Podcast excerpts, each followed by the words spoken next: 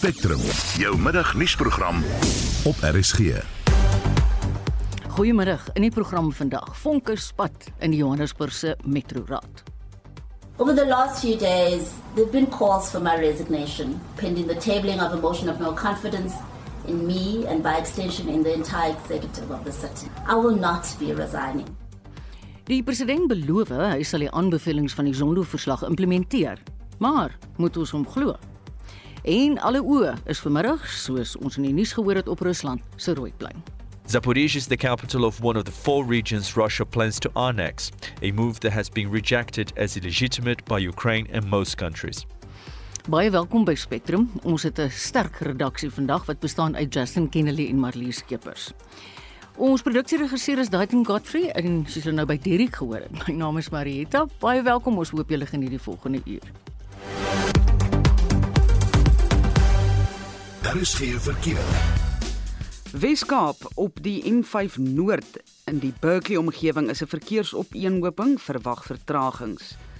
Gauteng op die N1 Noord by die Vleende Piering afrit staan 'n vragmotor wat die afrit self versper. Dit het 'n invloed op die verkeersvloei vanaf die Nelmapius oprit. Verwag vertragings daar. Op die N1 Suid net na Beyers Nodeweg staan 'n bus wat een van die middelste bane versper. Wees op die uitkyk daarvoor. Op die N12 Oos by die Galulies wisselaar staan 'n vragmotor wat die regterbaan versper. In KwaZulu-Natal op die N2 Noord net na die KwaMashu wisselaar is die regterbaan weens padwerk gesluit.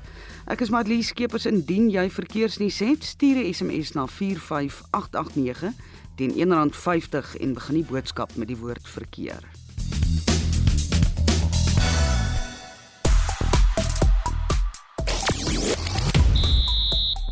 In sportnuus vanmiddag kyk ons na die naweek se Verenigde Rugby Kampioenskapskragmetings wanneer die Bulls afrigter Jake White sy Springbokke inspan as hulle reeds vanaand teen Connacht in aksie is. Die Proteas kom Sondag weer teen Indië in die tweede van 3T20 internasionale wedstryde te staan. Die jong Proteas is ook hierdie naweek in aksie. Ons kyk na golf vanaf Old Course St Andrews as ook na die voorlopers van die Sunshine Tour. En Max Verstappen sê hy benodig 'n dosis geluk om 'n tweede agtereenvolgende Formule 1 titel in Sondag se Grand Prix van Singapore af te sluit. Die volledige bulletin volg bietjie later. Ek is Christo Gawie vir RSG Sport. Die hitsmerk Hands of Joburg is tweede op die lys van gewilde onderwerpe. Dit volg nadat die voormalige burgemeester van Johannesburg, Mpo Palatse, 'n beroep op inwoners gedoen het om die veldtog te ondersteun. 'n Mosie van wantroue is te, intussen teen haar tydens 'n spesiale raadsvergadering ter tafel gelê. Die mosie was geslaagd, maar die geldigheid daarvan word betwis. Ons praat binnekort hieroor met 'n belanghebbende. En ons algemene brandpunt vraag aan ons luisteraars vandag dis nou al 'n paar dae in die nuus dat die adjunkminister van maatskaplike ontwikkeling, Hendrietta Bogopane Zulu gesê dat sekswerk binne 2 jaar gedekriminaliseer sal word. En sekswerkers wat by 'n geleentheid in Kimberley in die Noord-Kaap is, sê die gesloer met die wettiging van hulle bedryf bedreig hulle lewens en beroof hulle van die reg om 'n bestaan te maak. Hoe voel jy hieroor? Ons sal baie graag wil hoor. Jy kan ons 'n SMS stuur na 45889, dit jaag jou R50 uit die sak uit. Praat gerus op die Monitor en Spectrum Facebookblad. En jy kan 'n stemnota stuur na 076 536 6961. Spectrum, jou middagnuusprogram op RSG. Ons is op pad na 8 minute oor 12 en welkom terug. Soos ons vroeër gesê, die vonke spat in Johannesburg se metroraad. Die burgemeester van Johannesburg, Mpo Palatse, het vanoggend 'n dringende aansoek in die Johannesburgse Hooggeregshof gebring om 'n buitengewone raadsvergadering te verhoed. We do not recognize today's meeting as valid. We don't recognize it as being lawful. And that's why we went to court. It's just to ensure that we invoke the laws of this land, the rules of council, to do what's right by our residents. We can deal with the numbers game in a legitimate meeting of council. Today's meeting is not that meeting. Die nuutverkose spreker van die Metroraad, Colleen Makubele van Cope, het 'n raadsvergadering wel belê waarin 'n mosie van wantroue teen Palatsi gebring is. En ons praat nou met die woordvoerder van die koalisie in Johannesburg, Corneil Mulder. Hallo Corneil. Goeiemôre Marieta. Weet jy al wat is die jongste verwikkelinge? Ja, dit is ongelooflik. Ek wil begin deur te sê dat ten spyte van die chaos moet die luisteraars een ding verstaan dat koalisies is hier om te bly. Koalisies gaan 'n groter rol speel soos wat ons na 2024 toe gaan. En die gebeure wat ons vandag ervaar is ongelukkig die stuiptrekkings van die ANC wat weier om te aanvaar dat hy die mag verloor. So wat nou vandag gebeur het is dit is 'n onwettige vergadering. Die uh, burgemeester het die hoog uh, die Hooggeregshof genader vir 'n dringende interdik uh om die vergadering van vanoggend te keer omdat dit onwettig is. Mm. Uh, tot my verbasing het die hof besluit dit is nie dringend nie. dit is 'n interessante interpretasie wat ja. ek waarop hersiening sal neem. En uh die uh, nuwe spreker uh, Colleen Makubela het eenvoudig voortgegaan uh, ongeag die feit dat die vergadering onwettig belê is en sy het 'n mosie ter tafel geneem wat ook onwettig is. Sy het dit gedoen in terme van 'n programkomitee wat ook onwettig was en die vergadering laat voortgaan en hulle dit tot, tot stemming gebring. Ehm um, sy het nie 'n geleentheid gegee vir enige stemme teen die mosie nie, ook nie vir buite stemming bly nie. En toe sy verklaar 138 stemme is daarvoor en die mosie van wantroue is aanvaar. Ehm um, wat dit erger maak is die nuutste waar ons nou trek is hy het nou kennis gegee sonder ook onwettig dat sy die vergadering bymekaar roep om net nou 'n nuwe burgemeester in, in Johannesburg te kies. Daar was geen geleentheid soos nie normaal is om te vra vir nominasies van die partye wat hulle dit kan gaan bespreek of wat ook al nie. So dit is eintlik 'n absolute eintlik maar 'n staatsgreep wat hier plaasvind. En uh, dit is dit is baie sleg vir koalisies en dit is baie sleg vir Johannesburg. Weet jy Corneil, ek het na die spektakel sonder klank hier op die televisieskerm in die ateljee sit en kyk en ek het my geskaam. Daar's geen dekorum nie. Daar is geen protokol, vergadering protokol wat gevolg ja. word nie dit dit is ontstellend. Dit die die verskriklike daarvan is en en dit is ons moet een ding verstaan. Die ANC is nie van plan om vrywillig mag af te gee in Suid-Afrika nie. Nie nou nie nie môre nie in 2024 nie en dit is 'n geweldige probleem. Dis een ding om te sê as 'n demokraat dis ander ding om dit te respekteer as jy die mag verloor het. So vandat hierdie koalisie regering tot stand gekom het in Desember verlede jaar was daar nie 'n dag wat verbygegaan het wat die ANC en sy trawante mm. nie probeer om die koalisies te ondermyn of om ver te gooi nie. Onstabiel te maak nie ja want ja, dit gaan oor geld, dit gaan oor toegang tot kontrakte en tenders. Dit is waaroor dit vir hulle basies gaan. En die hele aanslag wat nou kom, moet mense sien in die lig van die feit dat daar 'n nuwe provinsiale leier gekies is in in, in Gauteng, um, meneer Lesofie. Jy moet dit sien in die aspirasies van van mm. van uh die ander ANC leiers, Paul Mashatile en die wat wil bewys hulle kan dit doen en wil probeer om Gauteng op die manier terug te kry. Maar dit dit, dit skreeu ten hemele. Ek ek was toevallig verlede week met 'n besoek in die buiteland in Denemarke oor koalisies. En as jy gaan kyk die manier hoe beskaafde oh ja demokrasie dit hanteer is mm. totaal 'n ander werklikheid van respekteer die werklikheid van die kiezer se wil ensovoorts dit gaan nie hier daaroor nie dit gaan eenvoudig om mag te gryp en uh, nou ja sekere partye het nou die die koalisie het in die onder andere die moontlikheid gekom omdat die patriotiese alliansie sy steun weggevat het by die koalisiegroepering hulle het 8 stemme wat nodig mm. is mm. en hulle daardie stemme gaan gee vir die ANC en uh, ek dink nie die patriotiese alliansie se ondersteunerskorps wat hulle gestem het het bedoel dat hulle stemme moet aangewend word om die ANC terug in regering te plaas nie. Ek het op kolle vanoggend gevoel en help my reg as dit 'n verkeerde interpretasie was dat die nuwe spreker Colleen Makubele effens magsdronk is. Sy druk net goeters deur. Sy het daai van die 138 absoluut. of 39 seker 4 absoluut. of 5 keer gesê. nee, absoluut. Dit is dit is eintlik skrikwekkend dat die ironie is. Cope die die party wat ook nie eintlik weer bestaan regtig nie. Cope het net een lid in daardie hele raad en dit is Colleen Makubele. Cope het deelgeneem in 2021 as 'n party wat wil om posisioneer teenoor die ANC met meneer Lekotta saam. Sy het eenvoudig op haar eie drafstap hier gegaan, maar my inligting sê dat meneer Lekotta staan by haar die hele tyd en meneer Lekotta sal maar vir die kiesers antwoord wat oor is van Cope. En sy het 'n totale missie van haar eie. Sy's sy's destined to go places. En uh nou ja, sy sy sy's 'n nuwe raadslid wat nou daar vir minder as 'n jaar is. En dit is waarmee hulle besig is mm. en mhm. natuurlik die ANC is bereid om dit te doen en die mense, die publiek moet baie mooi verstaan wat hier gaan gebeur as al manier hoe hierdie uh magsgryp kan staande bly is as die howe ons nie gelyk gee nie, maar maak dit dan ook as dit dan so is. Dit beteken Johannesburg kry nou 'n nuwe regering dan mm. waarskynlik met die ANC en die EFF en die Patriotiese Alliansie. So die EFF gaan toetree tot regering. Jy gaan sit met ten minste 3 uh, EFF ministers in Johannesburg en die ANC moet ook maar dit vir homself verwerk en en besluit is dit die pad is wat hulle wil loop. Dit dit is alles goed wat uitspeel op wat na 2024 toe. My gevoel is dat as jy die lesse wat ons hieruit leer is dat koalisies is nie weg nie, koalisies gaan groei en sterker word, maar jy gaan sit waarskynlik met 4 of 5 politieke partye wie jy sou kan vertrou vorentoe en vir wie jy mm. kan stem as jou keuse en ek praat spesifiek spesifiek van die DA, die Vryheidsfront Plus, Action SA, die IFP, die ACDP. Mense sal hulle stemme aan daardie partye gaan toesê volgens hulle keuse en kan verwag dat daar stabiele, standvaste koalisies kom in belang van Suid-Afrika. Die ander gaan dit eenvoudig oor mag en geld en posisies en uh, dit is nie demokrasie nie, ons sien dit in aksie. Corneil, wat gaan nou in die Metro Raad gebeur? Wel vir eers is dit totale chaos. Hierdie tragedie is, jy weet, toe toe to ons as koalisie oorgeneem het, was daar onmiddellike verwagting van die publiek en reg so dat dinge nou moet reggaan in ja, Johannesburg. Ja. Dit is net nie moontlik nie. Die eenvoudige situasie is eerstens erf jy 'n bankrot situasie, jy erf infrastruktuur wat in 'n krisis is, jy erf al die potholes en al die sinkgate en die moeilikheid en jy word deurlopend ondermyn. Jy erf ook amptenare wat baie aangestel is deur die vorige uh, korrupte bewind van die ANC wat jy mee sit en jy sit in 'n situasie waar jy daagliks ondermyn word. Nou ja, nou kry die ANC weer beheer terug van Johannesburg danksy die Patriotiese Alliansie en danksy Cope. Die Lekota sal moet instaan hiervoor. Hulle kry beheer terug daarvoor. Hulle gaan regeer saam met die EFF en uh, vir Johannesburg spel dit wat my betref absolute chaos vir vorentoe. Uh, dit is skrikwekkend. Ons sal moet hergroepeer en gaan kyk waar ons heen gaan en ons oog kry op 2024 dat ons die ANC en die EFF en die hmm. Patriotiese Alliansie daai tipe partye kan totaal verslaan en uit die pad uit kry. Dankie. Ek weet jy is verskriklik besig vandag. Het jy tyd gemaak het om met ons te praat? Dit was Corneil Mulder, die woordvoerder van die veelpartytjie koalisie in Johannesburg. Die minister van gesondheid, Dr. Joe Pagla, sê sy departement en Eskom is tans besig om 'n plan te fasiliteer om alle gesondheidsorggeriewe reg oor die land vry te stel van beurtkrag. Net 'n paar hospitale in elke provinsie word nie deur beurtkrag geraak nie. We have developed a multifaceted strategy for immediate, short-term and long-term intervention.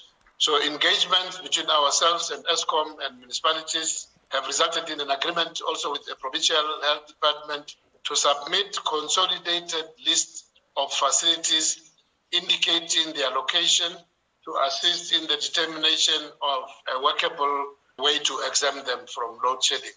We are also working on a phased approach to invest in renewable energy through installation of uh, solar power facilities at all our health facilities.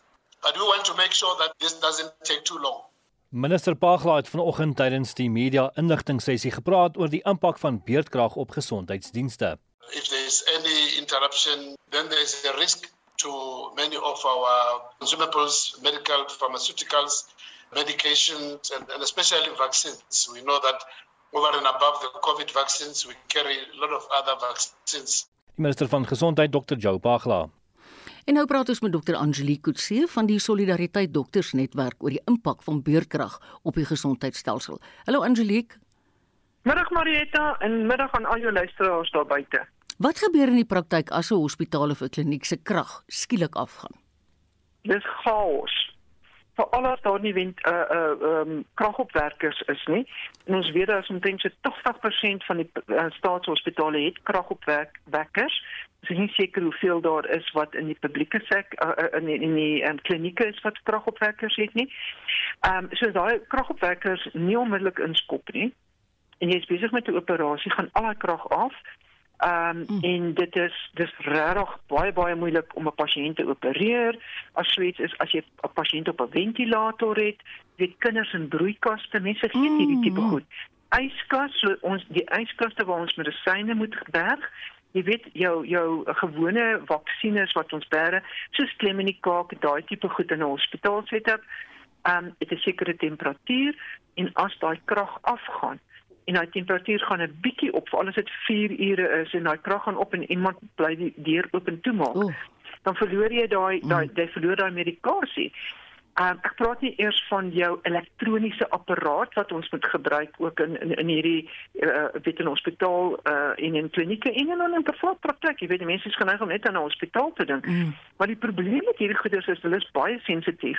So met hierdie herhaaldelike kragonderbrekings en goed wat jy kry, gaan gaan jou elektroniese apparaat. Dan is daar hospitale wat net elektroniese kliniese notas het. So al mm. daai goed, jou stokvoorraad, al daai goed word beïnvloed. En soos ons weet sê dat jy weet ehm um, die die die die ehm um, om 'n pasiënt reg te behandel in die nag as daar nie 'n krag is nie en die hospitaal het hy petrol of diesel mm. uitgehardloop Nagmerrie. Wat ons sien, dis 'n nagmerrie. Angelique, kan die gespesialiseerde toerusting en masjinerie wat byvoorbeeld nou maar in teaters is, hoeveel van hierdie voortdurende kragonderbrekings kan hulle weerstaan? Dit moet mos 'n effek op hulle hê. Ja. Ja, ja, ja, maar hulle kan nie baie weerstaan nie. So so aanhoudende ehm um, die, die die die die stroom wat aanhoudend gebreek word plus onthou as jy nou jou kragopwekker aansit, dis 'n ander tipe stroom wat daar deur hardloop ook. Mm. So as hierdie hospitale nie die regte kragopwekker regte stroombane gebruik ook nie, dan is dit net 'n nagmerrie op hierdie goed. So so so wat ons nou besig is om te sien wat moet gebeur is van die hospitale se begroting word nou gebruik om diesel of petrol te koop. So daar's die in plaas daarvan dat die geld moet gebruik word om ehm um, vir vir dienste te gee, is ons nou ge, gebruik word dit nou gebruik om krag te probeer aanhou. Onthou mense moet eet, die pasiënte moet ja. eet, dit moet daar moet kos gemaak word. Ja. Daar moet uh weet die, die wasgoed moet gewas word. Daar steriliseer dus al uh as jy instrumente gebruik moet gesteriliseer word. Dit is dit dit dit is raak net chaos, maar wat my baie ongelukkig maak is dit is nie 'n nuwe ding nie. Hierdie weet krag gaan nou al hierso van 2007 af, dit ja. is nou al dat daar probleme is. En daar word net nooit niks gedoen nie. So nou die laaste 2 weke het daar nou klomp van die organisasies begin druk sit op die regering om en maar dit ongelukkig onaanvaarbaar. En die enigste manier hoe ons nou hierdie goed wat ons nou sien, hoe ons hierdie goed regkry, is om die die pers hierby te betrek mm. en die mm. media hierby te betrek. Want jy, jy kan maar briewe skryf mm. en jy kan dit maar vir die departement van eh uh, of provinsie stuur daar gebeur niks. Niks. Weet jy wat vir my interessant gewees het, hierdie Belgiese spesialis wat geskryf het oor hoe sleg dit by Coronation gaan. Dit moes nou 'n verskriklike brander veroorsaak. Maar al die ja. goed wat hy gevra het, is uiteindelik aan hom toegestaan. Hy's nie geskort nie. So daar's 'n verskriklike verantwoordelikheid op die media om hierdie tipe dinge aan die oop te te bring. Ek wil jou vra die departement sê daar's nog geen sterftes aangemeld wat aan beerkrag toegeskryf kan word nie. Is daar 'n manier waarop ons dit wettiglik kan verifieer? Daar is geen manier nie. Ek sou wil bitter graag hierdie die minister en die die DG moet asseblief net vir ons sê wat het hulle in plek gestel? Watter maatreëls is in plek gestel dat ons dit dan aan hulle kan direk rapporteer? Is daar 'n uh, direkte telefoonlyn? Is daar 'n 'n 'n webblad of 'n webtuiste waarna toe ons kan gaan. Hoe gaan ons dit nou aanmeld uh, of verwag die minister nou ons moet iemand bel? Mm. Maar jy dit gaan maar ek weet ook nie vir wie moet ek bel. So, ja. ehm ja. um, so, so wat my betref, is dit die regering se verantwoordelikheid om hierdie goed in plek te sit. Die provinsie se verantwoordelikheid is nie in plek nie. So jy kan nie jy kan nie so so 'n uh, 'n 'n uh, statement maak daar buitekant en sê maar ons het nog nie ja. gehoor wat dit gegaan het nie. Angelique baie dankie. Ons twee het gedink ons praat in COVID se tyd baie, maar lyk my ons probleme in die mediese veld duur voort. Dit was dokter Angelique Kutse van die Solidariteit Dokters Netwerk. 22 minute oor 12 en is ingeskakel op Spectrum. Die grondwetlikheid van wetgewing wat vaderskapverlof bepaal, draai tans in die Johannesburgse Hooggeregshof. Die klaers voer aan dat hulle regte op vaderskapverlof onregverdig beperk word. Shando Tron van Tron ingelyf is 'n familieregprokureur en hy het al die inligting. Goeiemôre Shando. Goeiemôre Marita, gaan dit? nee, duidelik net met my beter is vir daai pasiënte wat jy moet verteenwoordig of kliënte. Gee ons net vinnige agtergrond, hoe werk vaderskapsverlof op die oomblik? Ja, het oor dit basies werk is dat die soort van soos hulle sê the best practice op die oomblik is vaderskap kry vaders kry gewoonlik so 2 weke af vir kraamverlof en hoe die wetgewing heidaglik geskryf is. En daar was uh uh die die wetgewing is onlangs verander maar hoe dit geskryf is dit gaan oor artikel uh, 25 en 26 wat soos ons dit nou in leuke terme sê kraamverlof. Maar die kraamverlof koppel hulle aan swangerskap Mm. So dit dit sluit natuurlik mans uit en vrouens kan 4 maande onbetaalde kraamverlof kry. En wat ek klaar in hierdie uh, uh saak sê meneer Werner van Wyk, maar hy sê luister, in terme van die konstitusie kan jy nie op op iemand se geslag uh diskrimineer nie of of of op iemand se status nie. Jy kan nie sê right, jy is nou omdat jy 'n man is, jy's nog steeds 'n pa van 'n kind, maar nou kan jy nie kraamverlof kry nie of uh, omdat jy getroud of nie getroud is nie, kan dit ook jou kraamverlof oh, ja. affekteer. As mens daarna kyk na as mens nou kyk na die skandinawiese lande, daar kry mans tot 9 maande kraamverlof. En ek dink mense kyk daarna maar hulle hulle hulle um neem nie uh, in ag die sosio-ekonomiese toestande daar nie. Hmm. In daai lande het die is daar 'n negatiewe populasiegroei. En die regering probeer eintlik mense aanmoedig om kinders te hê en mense het gewoonlik net een kind. Veronderstel jou jy het nou 'n plaaswerker wat 4 of 5 kinders het wat nou gedurende oestyd 4 maande wil afvat. Mm. So mense kan sien dis mense kan sien dit, dit is diskriminasie is dit onregverdige diskriminasie? Wel dis wat die hof moet gaan um, gaan beslis of dit onregverdige diskriminasie is of nie. Dis definitief diskriminasie. Mense hoef nie mens blind te staar daarteen nie. Dis diskriminasie op geslag die vrou kry 4 maande af uh, vir kraamverlof en die man kry as hy gelukkig is 2 weke af. Ja as so, ek nie so, mis dit so, nie jy verwys na daai noorde noordiese lande. Die man yes. het kry nog betaalde verlof boonop yes betaalde verlof maar mm. dis juist daarso want hulle het 'n negatiewe populasie mm, mm, groei mm, mm. en die regering probeer mense aanmoedig om kinders te hê. En mense het gewoonlik net een kind. Ja. So ons sosiale sosio-ekonomiese toestand is heeltemal anders. Mense het baie meer kinders en um dit is dit is ek ek, ek ja. kan net dink aan aan aan soos as jy nou 'n boerdery het of so mm. wat jy net vir mense tot 4 maande uh, onbetaald of betaald nou moet afgee. Um dit dis dis nie volhoubaar nie en ons omstandighede is ja. heeltemal anders hier, maar ek dink hulle gaan suksesvol wees met die hofsaak, maar ek dink dit gaan net oopmaak vir misbruik. Ekskuus, ek wil net ja. vra, het hulle Ja, ek dink hulle het 'n heel sterk saak. As jy kyk, daar daardie wetgewing is al aangeval deur selfde geslag paartjies in wat nou 'n baba gehad het hmm. vir met met surrogaatskap. En hmm. daardie hof gesê ja, jy weet ons omdat jy nou nie direk die biologiese ma is nie, maar jy is op papier die ma, jy kan nog steeds afkry.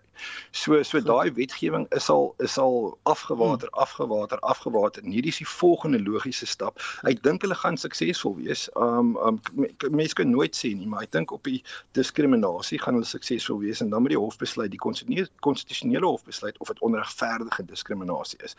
Maar ek dink hulle is in met 'n goeie kans. Shandel, gewone mense nou kan 'n ou dalk met jou werkgewer 'n onderhandeling aangaan. Altyd. Altyd. En dis basies jy weet beskryf baie van die groter maatskappye wat 'n uh, uh, baie meer verslapping uh, op hulle op hulle op hulle sit met kom ons nou sê kraamverlof hmm. vir mense gee mans en vrouens en mense kan definitief onderhandel met hulle. Goed. Jy as jy 'n uh, uh, uh, um, maatskappye verstaan as jy wil tyd afvat. Dis dan natuurlik jy moet ook nou kyk wat het die maatskappy op daardie tyd nodig. As dit nou 'n druk druk tyd is vir die maatskappy en jy's in 'n verskriklike belangrike hmm. pos, hmm. dan gaan dit dalk vir hulle moeilik wees om ja te sê. Maar ek dink maatskappye sal agteroor buig om jou te help as 'n gesin, as 'n familie, as 'n man of as 'n vrou. En ek stem nie saam 4 eh, maande kraamverlof is my 'n goeie ding, maar ek dink nie dit moet onbetaald wees nie. Ek dink ook nie so nie. Ja, want nou is jy in 'n tyd wat jy meer geld as ooit nodig het. Ja. En nou kry jy geen inkomste ja, ja, ja, nie. So ja, ja. daar dink ek klaar daar is probleme daar. Mm. Dalk maak dit minder, maar maak dit betaald. Ja. Shando baie dankie. Ek weet jy's vandag gedruk vir tyd. Dit is Shando Tron van Tron ingelyf. Jy luister na Spectrum. Elke weekmiddag tussen 12 en 1. President Cyril Ramaphosa het gisterand tydens 'n vraag en antwoord sessie in die nasionale vergadering gesê hy gaan die aanbevelings in die Zondo-kommissie van ondersoek se verslag uitvoer. Nou dit het die aandag getrek van die leier van die Vryheidsfront Plus, Dr Pieter Groenewald en hy praat nou met ons. Hallo Pieter. Goeiemôre Marieta. Hoekom het jy so gesit en kopkrap oor die stelling in die nasionale vergadering? Die rede is dat sy antwoord was in elk geval sodanig dat daar meer vrae ontstaan het daaroor en die rede hoekom ek dit gevra het is dat in Januarie vanjaar toe hy byvoorbeeld die eerste verslag van die Sonderkommissie ontvang het, het hy gesê en dit was oral in die media dat hy sal al die aanbevelings sal hy implementeer.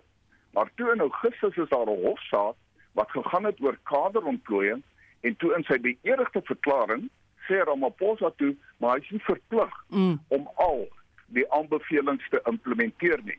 Dat sy antwoord was ons moet dit sien uit 'n regstegniese oogpunt dat die president is nie verplig nie. Nou ons weet dit. Uh hy hoef geen van daardie aanbevelings uh te implementeer nie. Maar moreel eties moet hy. Sê weet? Moreel eties tog. Absoluut. En en die die werklikheid is ek het ook vir hom gesê dat die belastingbetalers van Suid-Afrika het meer as 'n miljard rand opgedop mm. vir die sondekommissie en hulle behoort daar minstens waarde vir hulle geld te kry en hulle wil die versekering hê dat hierdie aanbevelings net eenvoudig geïmplementeer moet word want as dit nie geïmplementeer word nie dan het ons mos nie waarde vir ons geld gekry nie. Mm. Nou sy antwoord was dat uh, hy het dit uit 'n tegniese oogpunt gesien, maar hy het nie gesê ja, hy gaan dit doen nie. Hy het gesê daar is sekere aanbevelings wat gaan tyd vat. Dit was nie die vraag nie. Ons weet dit. Dit gaan nie oornag geïmplementeer word nie. Maar as hy van me eh, mening was dat hy gaan almal implementeer dan sou dit ons baie makliker gewees het mm. om net te sê ja, ek gaan alles implementeer. Kan ek jou nie rede val? Ekskuus. Ja, ja, ek gesê. Ah, ja, presies, daar daar was 'n diskrepansie in sy antwoorde, maar ek wil net vra, dink jy die president gaan sekere aanbevelings implementeer wat hom en die ANC pas en ander los? Ja, verseker, want dit is die indruk wat hy skep. Uh, kom ons vat byvoorbeeld uh, die aanbevelings in terme van die parlement uh, waar daar baie duidelik deur die Sonderkommissie gesê word daar moet meer verantwoordbaarheid wees uh, ten opsigte van die uitvoerende gesag teenoor die parlement. Ek het baie vrae, gaan dit werklik geïmplementeer word? Want dit beteken dat hy en sy uitvoerende gesag meer verantwoordbaar gehou gaan word. Dit sê ook baie duidelik in die Sonderkommissie dat ANC parlementslede uh, word gedwing om byvoorbeeld sekere besluite te neem wat juis die president en die uitvoerende gesag nie verantwoordbaar hou nie. En ek wil kyk en sien of dit ooit werklik gaan gebeur, want dit is belangrike aanbevelings. So so seker is van die aanbevelings in die verslag vir julle baie belangrik wees en watter een sal dit wees? Wel dit is baie moeilik om uh, te sê spesifiek een aanbeveling want ons praat van 385 waar? aanbevelings. Maar wat ons sien is dat die sektore en Een van die belangrikste sektore is byvoorbeeld die aanbevelings oor Eskom. Eskom se sake moet reggestel word. Die tweede sektor kan ons praat oor die veiligheidsmagte, spesifiek die staatsveiligheidagentskap.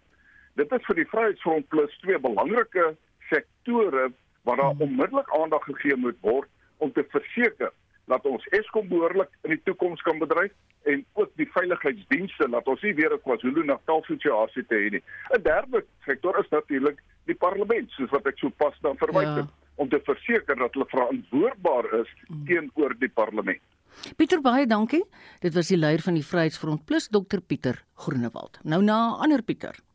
Die ANC het die spertyd vir sy takke om benoemings vir sy leierskapstrukture tydens die nasionale konferensie tot 25 Oktober verleng. En ons praat nou met Pieter Liebenage. Hy is die dekaan van Geesteswetenskappe by Akademia. Goeiemôre Pieter. Goeiemôre Marita. Die ANC in 'n klomp provinsies het reeds hulle benoemings bekend gemaak. Is die benoemings van die ANC se talle takke enigstens van belang? Wel ek sou sê ehm um, dit dit behoort in beginsel van groot belang te wees vir die ANC. Jy weet dit is uh dit is presies daar waar die ANC begin het dat die mense moet kan besluit, nê? Mm. En nou uh lyk my word die reël nie eintlik meer nagekom nie. Mense weet oud president Potlant het was baie bekommerd daaroor dat uh, die takke moet nog steeds hulle sê hê wanneer mense benoem word. Maar ek dink dis maar deel van die algemene verval van die ANC dat hulle interne reëlings ook nie eintlik meer nagekom word nie. Jy weet dat die takke in hierdie stadium wat eintlik die hartslag moet wees van die ANC is gewoon uit die prentjie. Wat gebeur as die takke nie hulle spertyd haal nie, Pieter? Wel, ek dink nie veel nie. want die want die ANC is intern sowel as ekstern eintlik nou maar 'n organisasie sonder orde. Uh so wat wat jy hier het is jy weet daar is reëls en regulasies van die ANC maar dit word gewoon net nie nagekom nie. En ek dink 'n mens moet teruggaan na die organisatoriese struktuur van die ANC. Uh want uiteindelik is dit vir my 'n bevrydingsorganisasie wat nog nooit daarin kon slaag om 'n moderne politiek mm. ja, om 'n moderne politieke party te kon word nie mm. en nou net bloot in ek noem die ANC op die oomblik 'n organisasie van syndikaate of 'n syndikaat van syndikaate en is hoogs diplomaties gestel en ek dink hierdie hele jy weet die tak die verkiesing van takke hang net maar saam met hierdie hierdie hele eintlik onverkwikkelike uh aspek van die ANC dat dit nie 'n moderne politieke party nee, kan word nie. Dit ek hoor alles wat jy vir my sê want as 'n mens kyk na die ontwrigting wat daar was tydens takvergaderings. ANC werkers wat gestaak het omdat hulle weliswaar nie betaal is nie. Daar's beurtkrag. Daar's nuut verkose sekretarisse wat nie met die lidmaatskapstelsel bekend is nie. Jy weet dit lyk net vir my asof die ANC in geheel in 'n toestand is. Korrek. Kyk, ons kan mekaar nou hier in 'n donker put afpraat en die naweek lê voor. Ons moet daar maar 'n silwer randjie ook hê by die wolk. Jy weet as mens nou dink wat gebeur het in Johannesburg, jy het vroeër in die program gepraat met Corneil Milde, uh. om te dink dat hierdie party in 'n afwaartse spiraal het nou die magsambisie in Johannesburg en dat die patriotiese alliansie nie dit sien nie. Weet dit dit is vir my as 'n politieke kommentator verregaande ja. dat om te dink dat die ANC en saam met die EFF nou weer Nogal. ons belangrikste industriële stad kan beheer, jy weet. Ja. Maar ek en jy praat nou oor takstrukture en interne uh jy weet interne organisasie van die ANC. Daar lyk dit bedroewend. Dit is net vir my 'n raaisel dat hulle enigsins naby Johannesburg as 'n magsorganisasie nou weer kan kom. Mm. Ja, nee, ons sal ons sal vorentoe definitief met jou weer hier oor gesels. Dit was Pieter Dievenage, die dekaan van Geesteswetenskappe by Akademie en hy verwys nou so na die naweek wat voorlê. As ek reg is, bly hy mos Justin in Pretoria. So nou vanaand speel die bulle. So ek meen ons hoop nou net vir almal se onthawe vir daai lot wat daar bly dat die regte span wen. Ja. Jy luister na Spectrum. Elke week saterdag tussen 12 en 1. Wat nog voor lê in ons program? Inwoners van Eldorado Park is steeds ontevrede met bykomende polisiebeamptes wat in die gebied ontplooi is. The guys from POP as well as the TRC units have actually gone back to Cape Town. En 'n mens se inkopies raak al hoe duurder. Bly gerus ingeskakel. Daar is geen verkeer. In die Wes-Kaap op die N2 stad uit by die Victoria Wisselaar is 'n verkeersopeenhoping verwag vertragings. Gauteng, daar staan 'n voertuig op die N12 Wes net voor die Kliprivier Rylaan, die linkerbaan word geraak. Dan staan daar 'n staan daar 'n voertuig op die N12 Oos by die Diepkloof Wisselaar, die middelste baan word versper. Op die N1 Suid net na Rigelaan staan 'n voertuig wat die linkerbaan versper. Daar staan ook 'n voertuig op die N1 Noord net na William Nicol Rylaan, die linkerbaan word ook daar versper. In KwaZulu-Natal op die N3 in die rigting van Durban by die Marion Hill Toll Plaza is 'n verkeersopeenhoping verwag vertragings. Ek is Marlie Skeepers en dit was die verkeersverslag vanmiddag op Spectrum.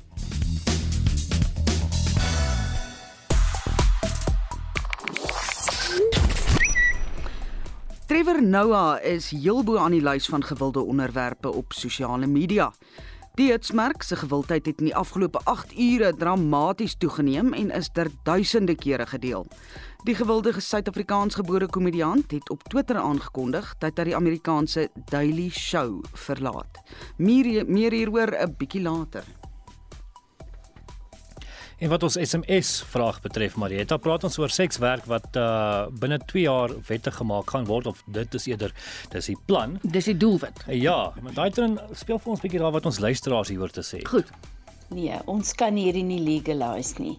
Dit is onchristelik, onbybels. Hierdie ding moet heeltemal afgeskaf word. Wat het geword van jou liggaam as die tempel van God? Uh wil jy dit nou gebruik as 'n besigheid waarheen gaan ons mense? Nou Ellen Diederik skryf op Facebook uh, as seks 'n werk was, sou hulle lankal iemand anders gekry het om dit te doen. Ellen het 'n punt beet. en aan die trant van die is die uh, terugvoer wat ons net gehoor het skryf getrei daarvan Wyngaard. Kyk, ek is grootgemaak 'n vrou verkoop nie haar lyf nie. Waar gaan ons land se wette heen? Michael Jordan sê wettig hulle, dit is in elk geval die oudste beroep in die wêreld. Laat die polisie eerder die plaasmoordenaars soek en vervolg. En ek sluit hierdie terugvoer af met Uwe Klopfer wat sê tel die werk as fisiese arbeid of kantoorwerk. Dis nie dis seker nie altyd lê werk nie. Uh hierdie dekriminalisasie maak dit oop vir regulasie en met die regering wat behep is met regulering en voorskrywing gaan die regering die prys ook voorskryf vra Oewe.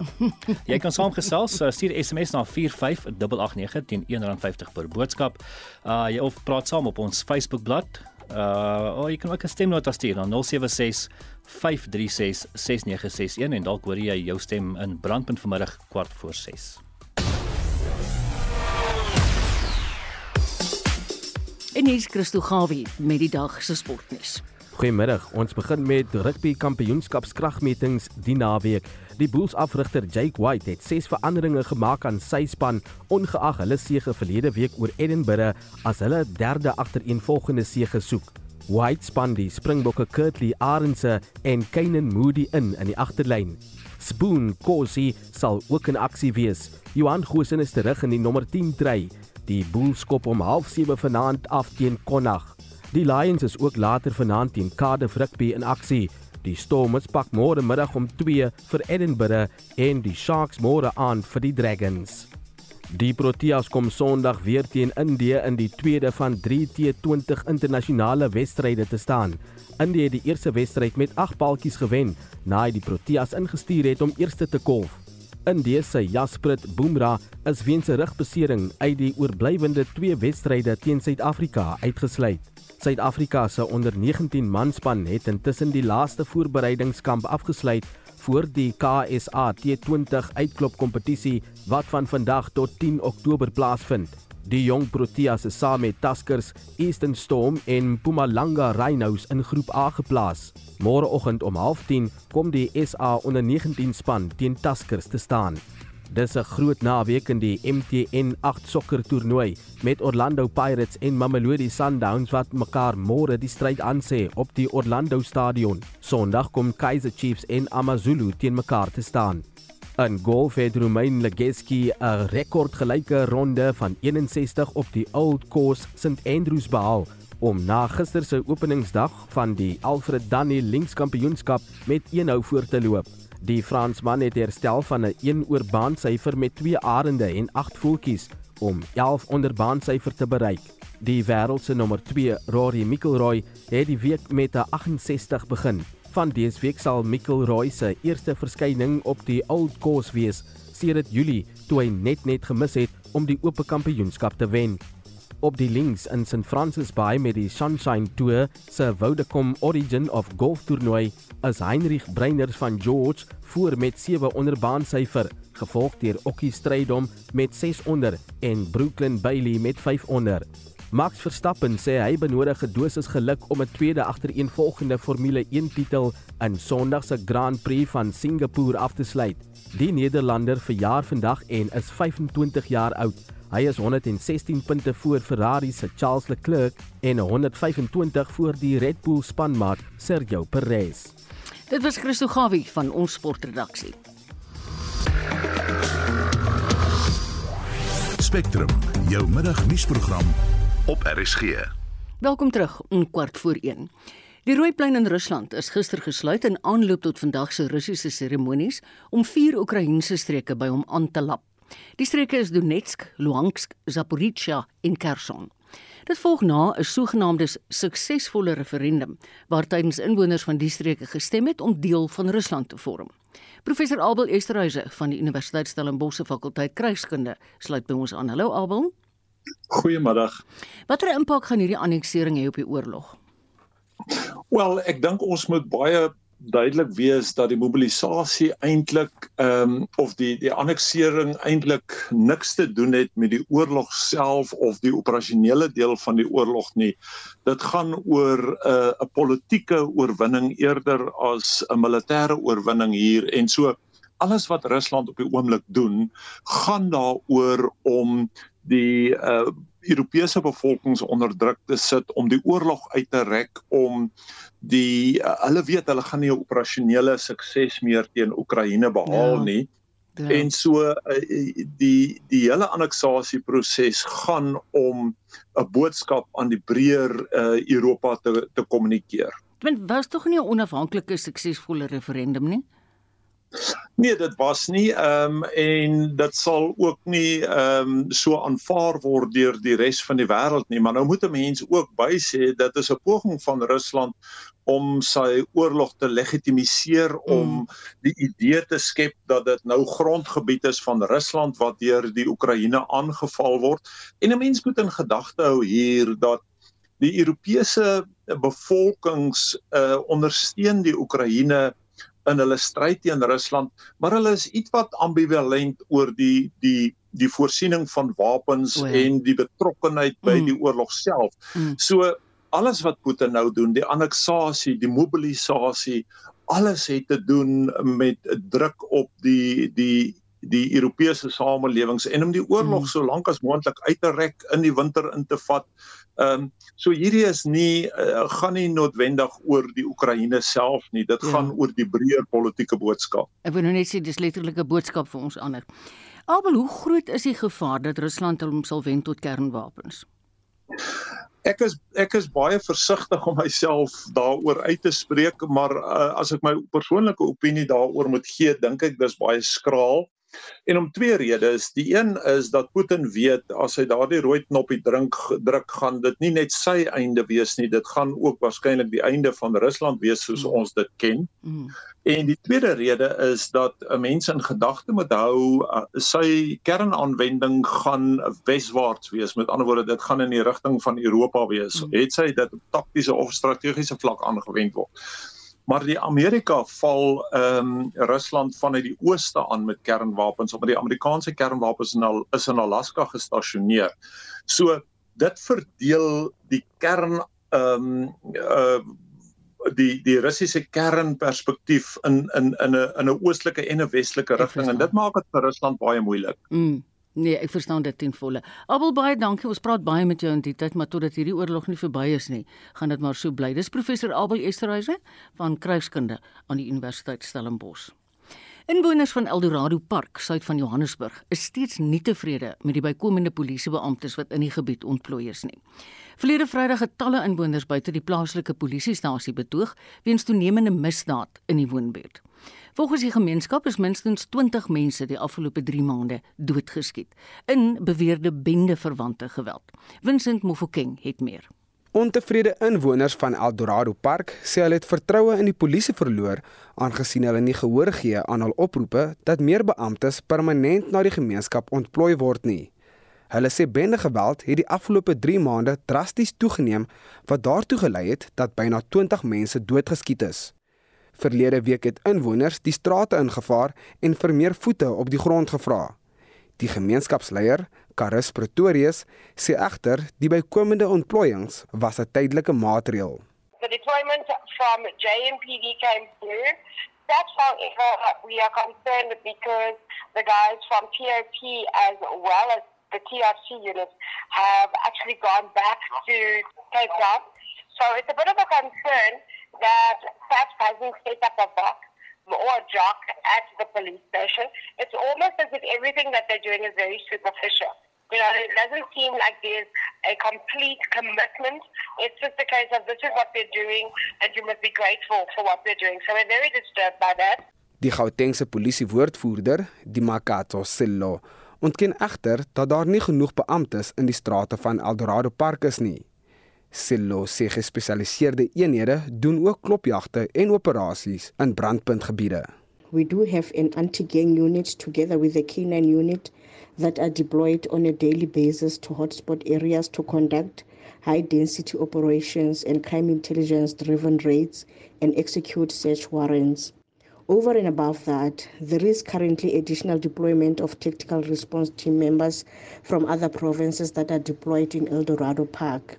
To assist with this situation. Sillo sê ongeveer 50 verdagtes is vir bende verwante voorvalle in hegtenis geneem, insluitend moord en poging tot moord. Through these operations, the police have arrested suspects and are investigating 46 dockets which are gang related and include charges like murder, attempted murder, dealing in drugs, theft and possession of firearm and ammunition, kidnapping and business robbery. All these dockets are currently going to court and suspects are arrested. So the police investigations are continuing in this matter. Die verslag deur Session Naidu van ons Johannesburgse redaksie. Ek is Vincent Mufokeng vir SAI Garnis. My redakteur Justin Kennedy het pas vir my gesê die ANC, ons het begin met die kommosie wat daar was vandag in die metroraad hier in Johannesburg. Die ANC het Dada Morero genomineer vir burgemeester in Johannesburg. Dis nou nadat die DA se Mpo Palatse so wat 'n uur gelede uitgestem is. Er is genuus gaan jou deur die loop van vanmiddag op hoogte hou van wat die verwikkelinge is hierso in hierdie bepaalde metroraad.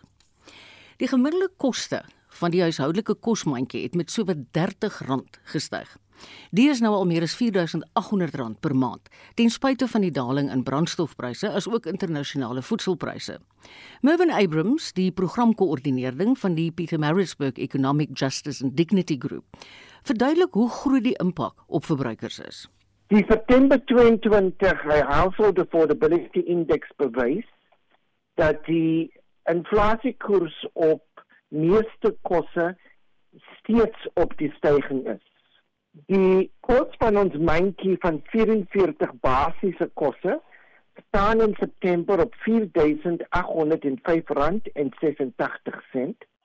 Dit is 'n maand op maand styging van R30 en 28 sent en 'n jaar op jaar styging van R586 en 39 sent of 'n 13.9 persentasie uh, stygings jaar op jaar. Nou Mervin, watter kossoorte het 'n toename getoon? Die kosse wat die hoogste inflasie steeds wys, is byvoorbeeld mieliemeel wat steeds 23% hoër is as verlede jaar, koekmeel 26% hoër as verlede jaar, suiker 6% hoër as verlede jaar. 'n 5 liter kookolie is nou 56% hoër as verlede jaar. Honderstukke is 14% hoër. Tomaties, 'n 6 kg tomaties is 56% hoër as wat dit gekos het eh, 'n uh, jaar gelede en breinbrood is is nou 21% hoër as wat dit was 'n jaar gelede. Praat met ons oor hoe die hoë petrolpryse nou impak het op die duur kos waarvoor ons nou betaal. Van baie groot bekommernisse vir ons is dat ons gesien het dat die petrolprys en die wêreldwye voedselkommoditeitspryse vir die laaste 4 maande het gedaal. Maar ons sien nie hierdie daling in die pryse in die winkels nie. En dit beteken dat daar vir ons 'n vraag is of die voedselbedryf nie die goedkoper pryse wat hulle kry van die wêreld voedselkommoditeitspryse of hulle nie, nie daardie uh, discounts deurgee na die verbruiker nie of die vraag is of die voedselbedryf net in terme van corporate greed net grootste winste wil graag inkry. Ons het ook gesien op die verlede week dat die Reservebank het natuurlik die repo rate gestyg. Wat dit beteken is dat meeste huishoudings nou groot skulddienskoste het en dit wil sê minder geld vir kos terwyl die kospryse steeds styg. En ons wil daaroor sê dat dit van belang is dat eintlik ons iets moet doen om die kospryse af te bring. En Mervin, wanneer ons kyk na die nasionale minimumloon, wat is jou opinie daaroor want dit blyk vir my dat dit mense in armoede hou. As ons kyk na die nasionale minimumloon, dan sal ons sien byvoorbeeld dat vir die maand van September die nasionale minimumloon slegs 4001 en 81 rand sal inbring vir 'n werker wat die nasionale minimumloon verdien. En as ons kyk na die hoeveel ons myn ons voedselmandjie kos en dit is 4805 rand, dan bewys dit dat die hele nasionale minimumloon te laag is om om eintlik hierdie hierdie mandjie van kos te koop. En dit wil sê dat die nasionale minimum wage mense in armoede hou en ons nie uit armoede eintlik kry nie. Mervin Abrams in gesprek met Vincent. Die Suid-Afrikaanse komediant Trevor Noah tree uit as aanbieder van die gewilde Amerikaanse satiriese nuusprogram The Daily Show wat hy 7 jaar gelede in 2015 oorgeneem het by Jon Stewart. So het hy sy eerste program aangebied. This is surreal for me.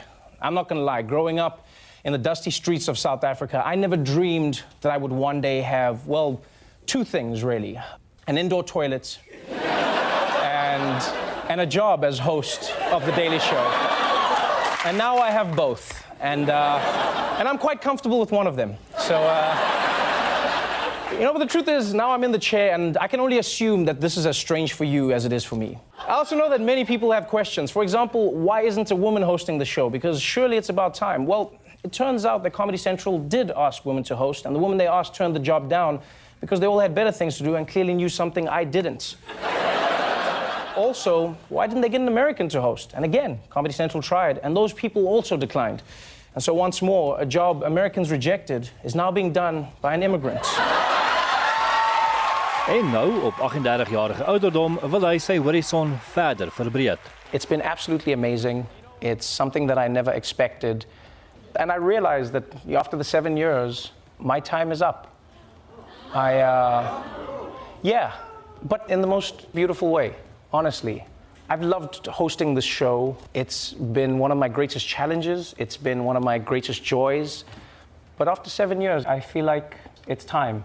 I realize there's another part of my life that I want to I want to carry on exploring. You know, I miss learning other languages. I miss going to other countries and putting on shows. I you know, miss just being everywhere doing everything.